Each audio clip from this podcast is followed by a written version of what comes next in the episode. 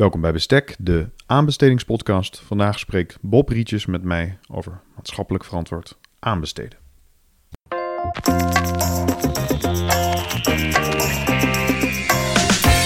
Welkom bij Bestek, de podcast voor de aanbestedingswereld. Deze serie biedt inzicht in onderzoek. Meester Dr. Willem Jansen van de Universiteit Utrecht bediscussieert de uitdagingen van het aanbestedingsrecht. Samen met zijn gasten gaat hij voor u op zoek naar oplossingen. Dit is Bestek, de aanbestedingspodcast. Aanbestedingen worden regelmatig gebruikt als instrument om beleidsdoelstellingen te bereiken. Ik sprak daarover met Bob Rietjes van About Law Podcast. En zij zijn zo uh, galant en, en vrijgevig geweest om, om die aflevering ook uh, op mijn eigen podcastkanaal te publiceren. Ik kan hun podcast zeker aanraden. Het is een tweewekelijkse podcast uh, waarin ze spreken met experts op verschillende juridische terreinen. Uh, dus kijk vooral eens op hun website aboutlaw.nl of registreer je voor hun eigen podcast op jouw favoriete podcast-app. Uh, wat nu dus volgt is, uh, is hun opname en, en mijn gesprek dat ik had met uh, Bob Rietjes over maatschappelijk verantwoord aanbesteden.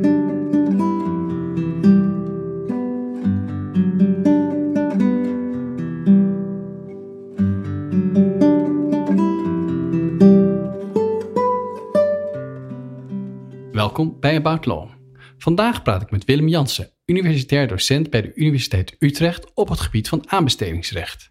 Willem is onder meer eigenaar en uitgever van de podcast Bestek, de aanbestedingspodcast. In die podcast praat Willem je bij over de laatste ontwikkelingen op het gebied van aanbestedingsrecht. In onze podcast van About Law praat Willem met name over de vraag of aanbestedende diensten verplicht zijn om maatschappelijke doelen mee te nemen in hun aanbesteding. Voordat je naar Willem kan luisteren, nog even dit. Heb je zelf een leuk onderwerp voor een podcast? Laat het dan vooral weten. En helemaal als je zelf de gast wil zijn op de podcast. We zijn altijd op zoek naar leuke sprekers. En wil je ons op andere manier helpen? Deel of like dan ons bericht op LinkedIn. Op die manier zorgen we ervoor dat zoveel mogelijk mensen bekend worden met onze podcast. Veel luisterplezier!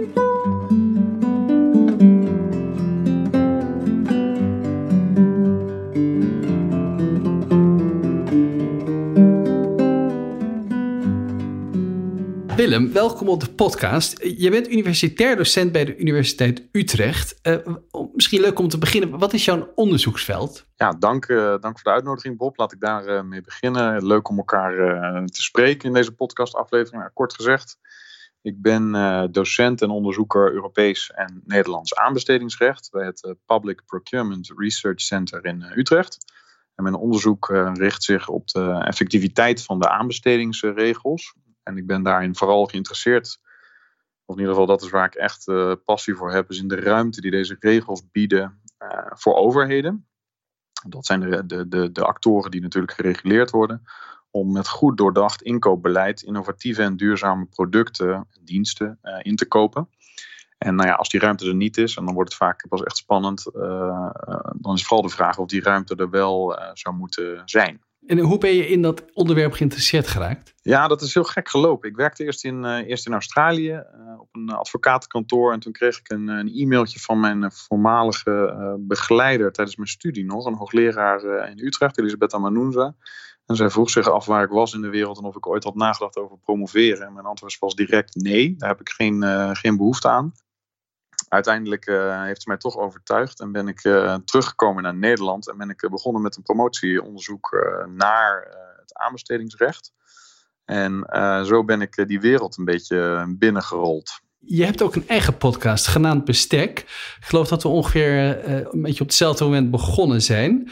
Uh, misschien is dat ook even leuk om te vertellen, want waar gaat jouw podcast over? Ja, dat klopt. Uh, ja, Bestek, de aanbestedingspodcast, uh, zo heet die. Dat is de eerste Nederlandse podcast over aanbestedingen en het aanbestedingsrecht vooral. En, nou, je zei het al, hè, we zijn in januari ongeveer al twee gestart. En in, sindsdien kijk ik elke maand in elke aflevering met, ja, met een auteur van lopend of um, actueel onderzoek uh, naar dat onderzoek. En ik ga daar in discussie, ik ga in discussie over dat onderzoek. En zo kijken we naar conclusies, beperkingen, discussiepunten, noem maar op. Maar vooral ook lessen voor de praktijk. En ehm, nou ja, je kunt die, die podcast kun je gewoon beluisteren, net als de About Law podcast, via die podcast apps of via de website www.aanbestedingspodcast.nl. Waar ben jij dan een podcast begonnen? Ja, omdat het ontzettend uitdagend, inspirerend en leuk is wellicht. Uh, maar eigenlijk is dat meer een terugblik als ik zo uh, terugkijk de afgelopen 7, 8 maanden. Uh, maar ik, ik, ik, begon met de gedachte te spelen vanaf november 2018 inmiddels alweer. Omdat ik zag dat ja, veel wetenschappelijke kennis, en het aanbestedingsrecht is daar geen uitzondering op, omdat hij niet op de, recht, op de plek terechtkomt waar de meeste impact kan hebben. En nou, ik zag een podcast die ik zelf veel luister als eigenlijk het ideale middel om ja, die, die, die brug te slaan tussen universiteit en praktijk. Maar vooral ook om dat onderzoek dus toegankelijker te maken en te brengen naar plekken waar normaal wetenschappelijke onderzoeken niet worden gelezen.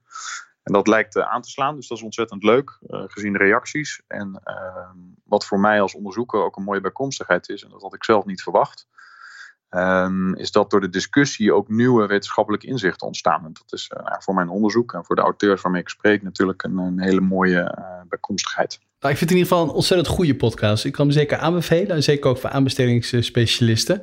Dus luister daar vooral naar, luisteraars. Um, Willem, wij gaan het vandaag ook hebben over eigenlijk het onderwerp waar jij ook veel onderzoek naar doet, denk ik. En dat is maatschappelijk verantwoord aanbesteden.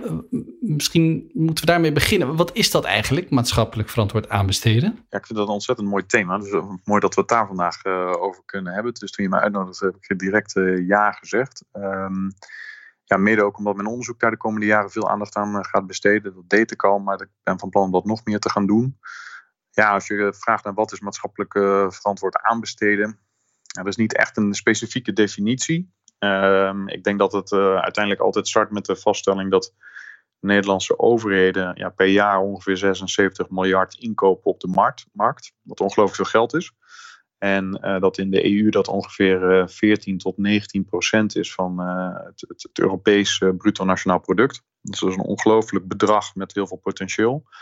En maatschappelijk verantwoord aanbesteden betekent eigenlijk dat je uh, dat die inkopende overheid dit potentieel gebruikt om uh, via inkoop maatschappelijke doelstellingen te bereiken. En wat voor doelstellingen moet je dan aan denken? Ja, dus misschien nog wat uitgebreider dan wat ik net zei. Ja, maatschappelijk verantwoord aanbesteden betekent dat je dus aanbestedingsprocedures niet alleen gebruikt om inschrijvingen van marktpartijen te beoordelen op bijvoorbeeld de laagste prijs, maar dat ook sociale en duurzame doelen worden meegenomen. Um, ze zeggen wel dat je daarmee twee vliegen in één klap slaat. Aan de ene kant draag je bij aan de, de, de behoefte die een overheid heeft. Hè. We hebben behoefte aan pennen of aan tanks of aan uh, ICT-diensten. Maar je draagt uh, direct ook bij met dat belastinggeld wat je uitgeeft aan bredere maatschappelijke uitdagingen. En dat zie je heel veel terug uh, ten aanzien van het zogeheten social return. om een voorbeeld te geven, een gemeente vereist dan bijvoorbeeld in een aanbesteding dat 5% van de opdracht waarmee een nieuwe weg wordt gebouwd, uh, wordt uitgevoerd door langdurige werklozen. Of dat uh, een, een, waterschap, een tweede voorbeeld, um, de inschrijvingen voor een aanbesteding voor waterfilterinstallaties, dat die wordt geëvalueerd op basis van de laagste levenscycluskosten. En wat betekent dat? Is dat nou ja, die inschrijvingen niet alleen op de laagste prijs worden beoordeeld, maar op de prijs die eigenlijk de hele samenleving moet dragen vanwege die, uh, die, die, vorm van inkoop.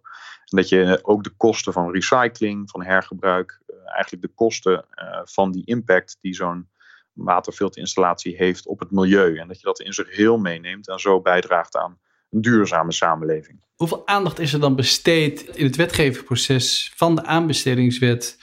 Uh, aan maatschappelijk aanbesteden. Is dat een topic wat je voorbij ziet komen in, in die uh, parlementaire geschiedenis? Ja, zeker. Uh, kijk, de aanbestedingswet 2012, zoals we die nu kennen, heeft een lange voorgeschiedenis. hij is één keer gestrand in 2008 in de Eerste, eerste Kamer. ik denk dat de discussies uiteindelijk door de jaren heen wel gedomineerd zijn door een nadruk op toegang voor het MKB. Dus dat het MKB vooral te weinig toegang had en dat er meer toegang zou moeten komen. En dat er uh, minder, uh, dat een lastenvermindering zou moeten komen voor overheden die aanbesteden uh, over het algemeen niet per se heel positief zien. En zeker rond die tijd, voor die nieuwe aanbestedingswet, waren er ook al wel stevige ontwikkelingen zichtbaar in, in Nederland. ik denk dat dat zeker van belang is ook voor dat wetgevingsproces. is dat je de Rijksoverheid zich committeerde aan een social return beleid, wat ik net al noemde in, in 2011. Waarin alle aanbestedingen boven de 250.000 euro voor diensten en werken altijd met zo'n social return eis van 5% moesten werken. En dat daarvoor zelfs al in 2007 de nationale overheid zichzelf aan 100% duurzaam aanbesteden uh, committeerde. En dat moest dan in 2012 100% zijn. Nou, dat hebben ze niet helemaal gehaald. Maar dat toont denk ik wel aan dat die, die trend al bezig was. En daarbovenop kwam, kwamen toen ook nog de nieuwe aanbestedingsrichtlijnen, die in uh, eh, 2014 werden aangenomen. Waarin ook steeds meer ruimte kwam voor uh, de mogelijkheden die overheden hebben binnen het recht om bijvoorbeeld keurmerken voor te schrijven of om te gunnen op eh, basis van levenscycluskosten, wat ik net al, uh, al noemde. Dus steeds meer wordt er binnen de wet ruimte gegeven aan overheden die graag maatschappelijk verantwoord willen aanbesteden. Je had het net even over eh, Europa. Is dit nou een, een thema wat veel in Nederland speelt, of zie je dat ook in andere landen dat hier veel discussie over ontstaat op maatschappelijk verantwoord aanbesteden? Ja, in de wetenschap zeker. maar als je kijkt naar de praktijk, valt dat best wel tegen eigenlijk. Is niet heel veel statistiek beschikbaar, maar um, ja, recentelijk werd bijvoorbeeld nog bekend dat uh, eh, 60% van alle aanbestedingen in de EU nog steeds op laagste prijs worden gegund. Dan moet ik heel eerlijk zeggen, als je heel goed specificeert, uh, dus heel duidelijk zegt van dit is het product wat ik wil, dat moet een duurzaam product zijn, dan kun je nog steeds concurrentie op laagste prijs natuurlijk gebruiken om uh, dat duurzaam aan te besteden. Maar over het algemeen betekent laagste prijs dat dat wel iets doet met de impact op het, op het milieu. En als je dan toch ziet dat 60% van de aanbestedingen op laagste prijs gaan, dan is dat niet echt een positieve score. Um, en in het buitenland wordt dat vaak dan gefilterd door, um, of uh, beter gezegd, in het buitenland wordt laagste prijs gezien als een hele goede manier om corruptie tegen te gaan. Omdat als je gunt op laagste prijs, is er weinig uh, discussie over of iets duurder of goedkoper is. Uh, terwijl bij kwaliteit laat dat veel meer ruimte voor subjectiviteit en dus uh, vriendjespolitiek. Dus dat is wel een probleem wat je daar ziet. Um, en daarnaast, ja, kijk, de, de, belangrijkste speler eigenlijk in dit hele debat is de Europese Commissie. En die wil juist wel dat overheden hun inkoopkrachten inzetten voor, voor maatschappelijke doelstellingen. Um, en zeker in dat, in dat wetgevingsproces voor die, uh, die aanbestedingsrichtlijnen zag je heel sterk dat uh, ja, de commissie graag wil dat overheden aanbesteden als een hefboom gebruiken, zo noemen ze het dan wel, om die Europa 2020 doelstellingen te bereiken.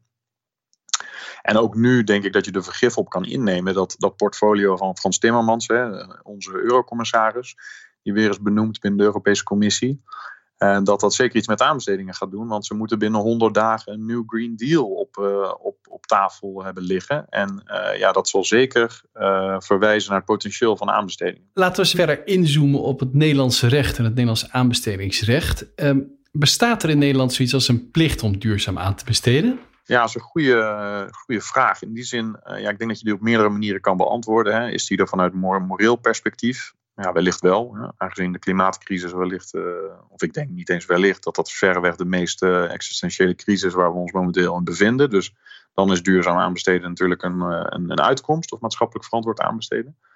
Maar de vraag is denk ik nog meer, ja, ja, omdat dit natuurlijk ook een juridische podcast is, is het een juridische plicht die ook daadwerkelijk afdwingbaar is. Ja, en die, die vraag die kun je vanuit het Europees recht aanvliegen of vanuit het Nederlandse recht. Ehm, ja, ik denk dat deze podcast er buiten gaat om dat hele Europese recht mee te nemen. Ik denk dat daar geen verplichting zit, omdat daar de nadruk uh, echt sterk ligt op het creëren van mogelijkheden voor overheden en niet op uh, verplichtingen ten aanzien van ma maatschappelijk verantwoord aanbesteden. En nou, op het Nederlands niveau is dat uh, wel een ander verhaal. De discussie over sociaal verantwoord of maatschappelijk verantwoord aanbesteden lijkt zich in Nederland tenminste vooral uh, te centreren rond artikel 1.4 van de aanbestedingswet. Wat, bepaalt dit artikel? Ja, ik, ik, zal hem even citeren, omdat dat wel een essentieel uh, onderdeel is van, uh, van de discussie. En eigenlijk zegt dat artikel 1.4 lid 2 van de aanbestedingswet 2012. Ehm, de aanbestedende dienst of het speciale sectorbedrijf draagt zorg voor het leveren van zoveel mogelijk maatschappelijke waarde voor de publieke middelen bij het aangaan van een schriftelijke overeenkomst als bedoeld in het eerste lid. Einde citaat. Uh, dat eerste lid dat verwijst naar aanbestedingsplichtige opdrachten. Uh, maar simpelweg lijkt dit artikel een soort van zorgplicht te introduceren voor overheden. Om zoveel mogelijk maatschappelijke waarde te creëren voor de publieke middelen. Je zou het ook nog anders kunnen lezen, denk ik. Zoveel mogelijk maatschappelijke waarde is natuurlijk een redelijk vage term. In plaats van wat jij eigenlijk zegt, hè, die, dat je beleidsdoelen mee kan nemen, zou je het ook gewoon kunnen lezen als de aanbestedende dienst dient de most bang for its buck te krijgen. Hè? Gewoon zoveel mogelijk waarde eh, economisch voor wat het uitgeeft. Hoe, lees jij dat artikel? Ja, dat is een heel belangrijk punt. In die zin dat er ook tijdens de invoering van uh, dit artikel veel discussie over was in de, in de Tweede Kamer. Het is per motie kopiean in de wet gefietst. Um, en dat, nou ja, meestal als moties uh, worden aangenomen, zorgt dat voor juridische discussies in ieder geval. Omdat dat verwees naar de, mogelijke economische besparingen die aanbestedingen kunnen opleveren. En vooral die nadruk op economische besparingen wordt er ook nog een vergelijking gemaakt met dat dat in het buitenland veel economische besparingen had opgeleverd. Nou, dat leek toen te wijzen op een nauwe interpretatie, eigenlijk die, die most bang for its buck, waar jij naar verwees. Maar dit werd later gecorrigeerd uh, tijdens de discussies, ook door uh, de Kamer zelf, maar ook door de minister. Van nee, dit gaat om een brede benadering. Naast prijs en kwaliteit werd eigenlijk gezegd, kunnen ook duurzaamheid, werkgelegenheid, innovatie onderdeel uitmaken van het concept maatschappelijke waarde.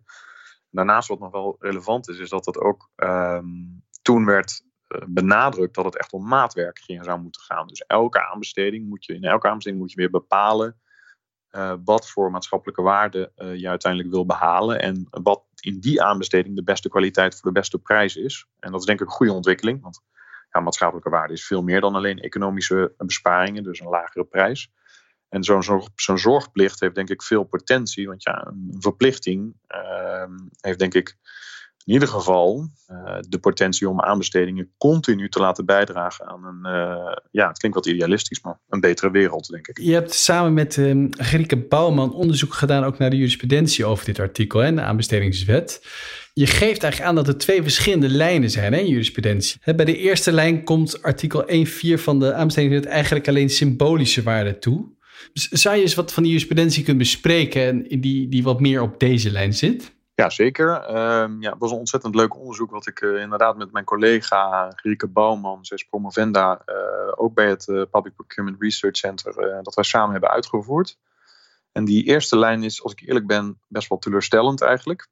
Ehm, en het gaat om een aantal zaken bij verschillende rechtbanken waarin artikel 1.4 lid 2 uiteindelijk simpelweg neerkomt op symboolwetgeving zoals je zelf al, al zei. En uh, ja, uiteindelijk op, die, op basis van die uh, uitspraken heb je niet zoveel aan die, die bepaling.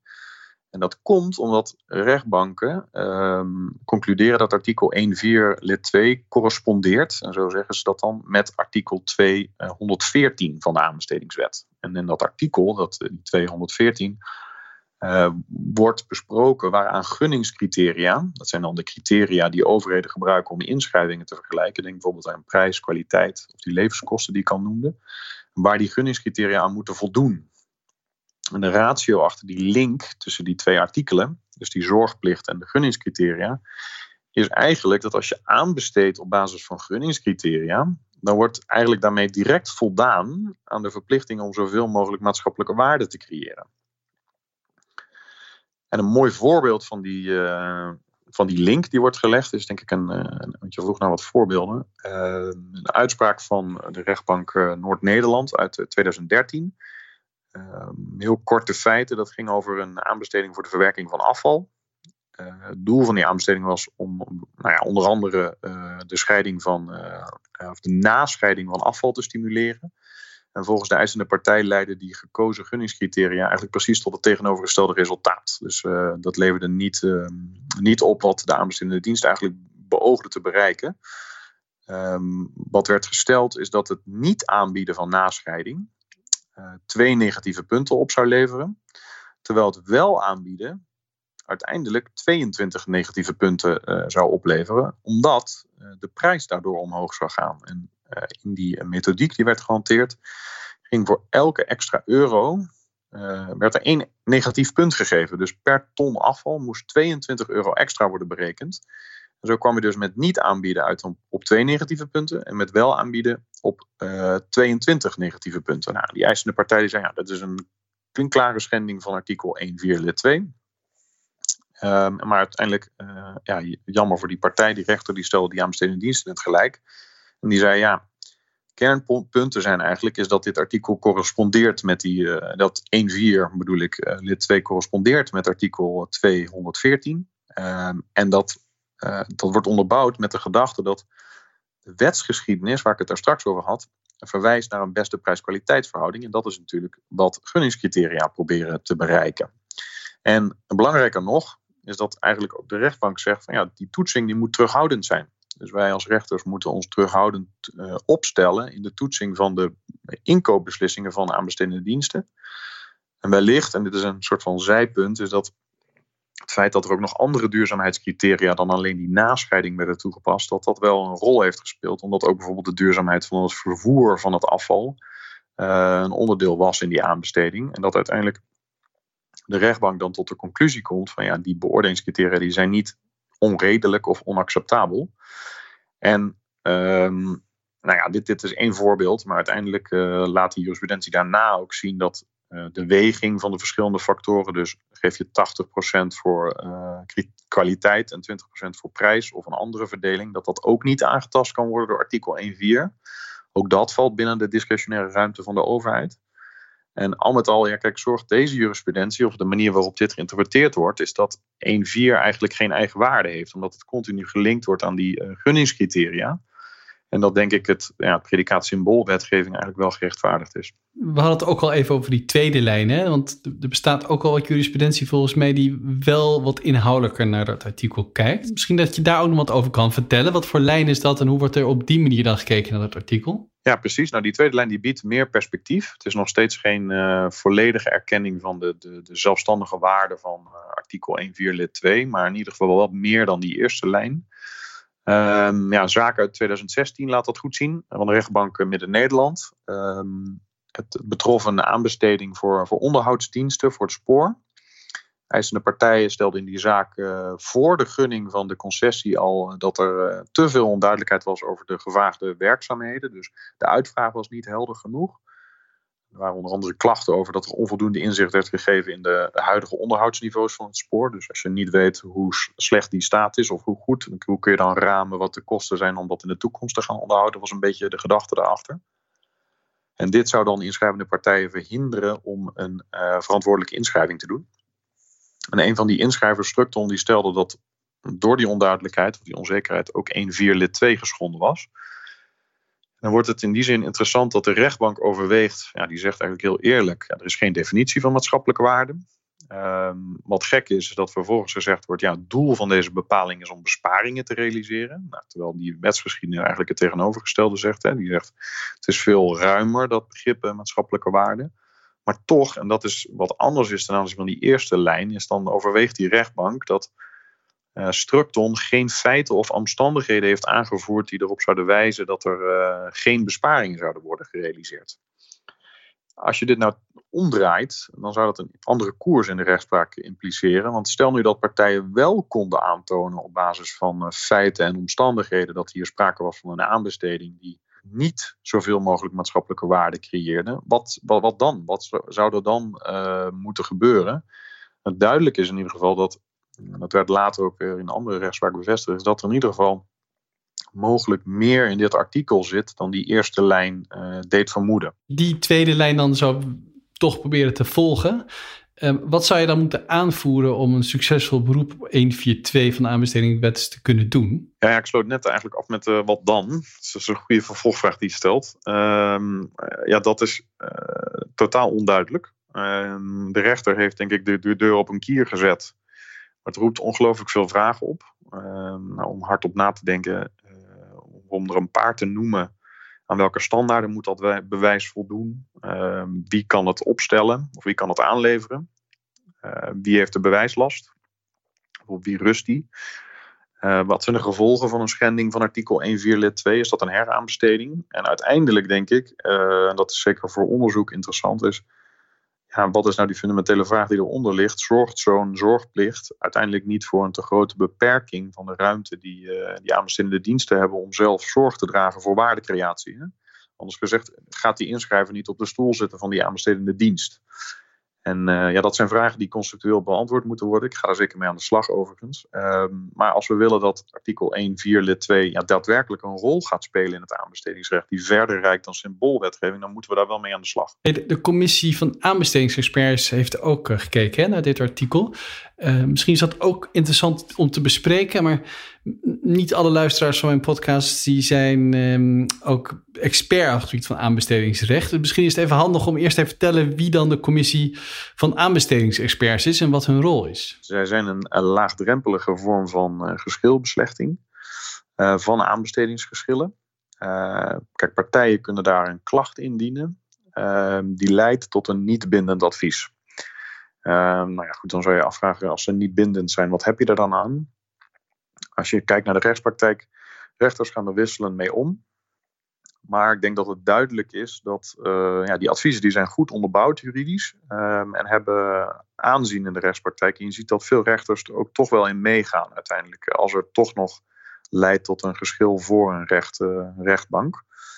Um, dus ja, dus ze spelen een belangrijke rol ook in de, in de aanbestedingspraktijk. Ze hebben toch wel een bepaalde autoriteit op, op dit gebied. En daarom misschien ook wel juist interessant om te kijken naar wat deze commissie dan vindt hè, van artikel 1.42. Ja, in een advies wat zij hebben gegeven, nummer 48, zegt uh, de commissie dat uh, 1.4 uh, lid 2 dat dat zeker wel meerwaarde kan hebben. En ze zeggen eigenlijk ook hoe dat dan zou moeten functioneren. Dus daarom is dat advies ook zeker interessant. Het gaat om een zaak waarin een klacht was ingediend over een aanbesteding voor um, elektrotechnische installaties. Um, en die klacht die stelde dat het feit dat het niet was toegestaan om uh, een, een, alternatief energiesysteem aan te bieden. Ten opzichte van de, hetgeen wat dat was voorgeschreven in de aanbestedingsdocumenten. Dat dat strijdig was met artikel 1.4. Want het zou um, dat alternatief wat aangeboden was, of in ieder geval wat partijen wilden aanbieden, dat zou op de lange termijn besparingen opleveren. En het, het systeem wat het bestek, dus de aanbestedingsdocumenten voorschrift, zou op de lange termijn duurder zijn. En nou zegt de commissie eigenlijk direct, ja, die stelling die is onvoldoende onderbouwd. Um, maar, um, of in ieder geval, simpelweg stellen dat iets onnodig kostenverhogend uitpakt, zegt de commissie dan, dat is niet voldoende. Maar de klager had dat wel verder moeten, moeten uitwerken.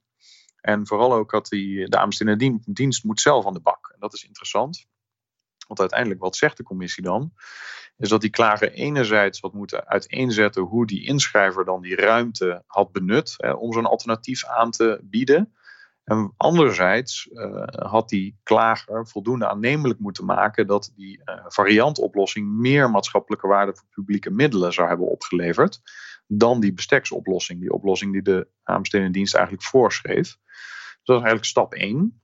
En stap 2 is dat die klager vervolgens um, uh, ook nadat hij dat voldoende gesubstantieerd had, ook reactie had moeten krijgen van de aanbestedende dienst. Uh, die dan vervolgens had moeten bewijzen dat zij wel haar zorgplicht van artikel 1.4 lid 2 uh, had moeten nakomen. Dus een soort van tweeledige bewijslast. Eerst de inschrijver, dan de aanbestedende dienst. En wat nog wel interessant is, is dat dit advies ook werd gepubliceerd voordat die tweede lijn in de jurisprudentie ontstond. Uh, dus wellicht dat daar wat kruisbestuiving heeft plaatsgevonden. Maar in ieder geval is het een interessante start, denk ik, van de discussie. Als we in de toekomst echt iets willen maken van die zorgplicht. Wellicht is uh, die twee tweeledige bewijslast wel een uh, goede manier om uh, die discussie te beginnen. Als ik je zo hoor, hè, wat ik dan zie bij de commissie is dat ze wel eigenlijk meer waarde toekennen artikel 142. Dus dat er eigenlijk wel inhoudelijk aan getoetst wordt. Maar wat ik ook hoor is dat er nog steeds wel heel getoetst wordt of de aanbestedende dienst wel zoveel mogelijk financiële waarde voor het geld krijgt. En nog niet zozeer dat daar iets ingelezen wordt over duurzaamheidsdoelen die daarin verwerkt moeten worden of iets dergelijks. Ja, ik denk dat in deze zaak dat vooral uh, plaatsvond, omdat uiteindelijk de klager stelde dat de kosten duurder zouden zijn. Um, en dat daarom de commissie daar op die manier op in is gegaan. Uh, maar ik denk zeker dat de commissie, en dat blijkt ook uit het, uh, dit advies en andere adviezen die ze hebben gegeven, een brede uh, interpretatie van maatschappelijke waarden hanteert. en dat denk ik ook in de analyse in de toekomst, ook daar dit soort aspecten een rol kunnen spelen. Mochten klagers dat aandragen als zijnde dit is waarom artikel 1.4 lid 2 is, is geschonden in, in deze casus. Als ik er dan een beetje naar kijk van een afstandje, dat artikel 142, misschien is het goed om ook mee af te sluiten dan. dan komen we eigenlijk weer terug op de discussie waar we het eerder hadden. Van nou, hoe moet je dit artikel nou lezen? Is het gewoon uh, zoveel mogelijk financiële waarde voor je geld? Of uh, eigenlijk een plicht om allerlei duurzaamheidsdoelen of, of een ruimte om duurzaamheidsdoelen mee te nemen in je aanbesteding? Want wij praten er nu al uh, een half uur over. Zou, zou het niet beter zijn als de wetgever hier serieus naar zou kijken en het artikel zou aanpassen? ja, ehm, denk ik wel. Ehm, in het, onderzoek uh, wat ik samen deed met Rieke Bouwman, eigenlijk uh, ja, uh, geven we drie alternatieven. Drie, drie paden waar langs mogelijk een wetgever zou kunnen denken.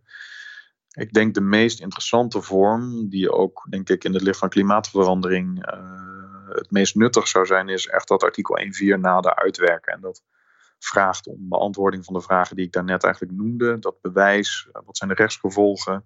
Die fundamentele vraag is, moet nou uh, een aanbestedende dienst nog meer beperkt worden in de ruimte die ze hebben om uh, daadwerkelijk maatschappelijk verantwoord aan te besteden? Moeten we gaan van mogelijkheden naar verplichtingen? Dat is eigenlijk denk ik de eerste stap. Hè? Dus uitwerking, ik denk dat dat het meest interessant zou zijn.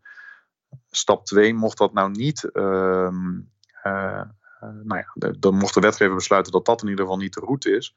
Denk ik dat het zeker interessant is om uh, maatschappelijke waarden, of uh, zoveel mogelijk maatschappelijke waarden, simpelweg een doelstelling van de aanbestedingswet 2012 te maken.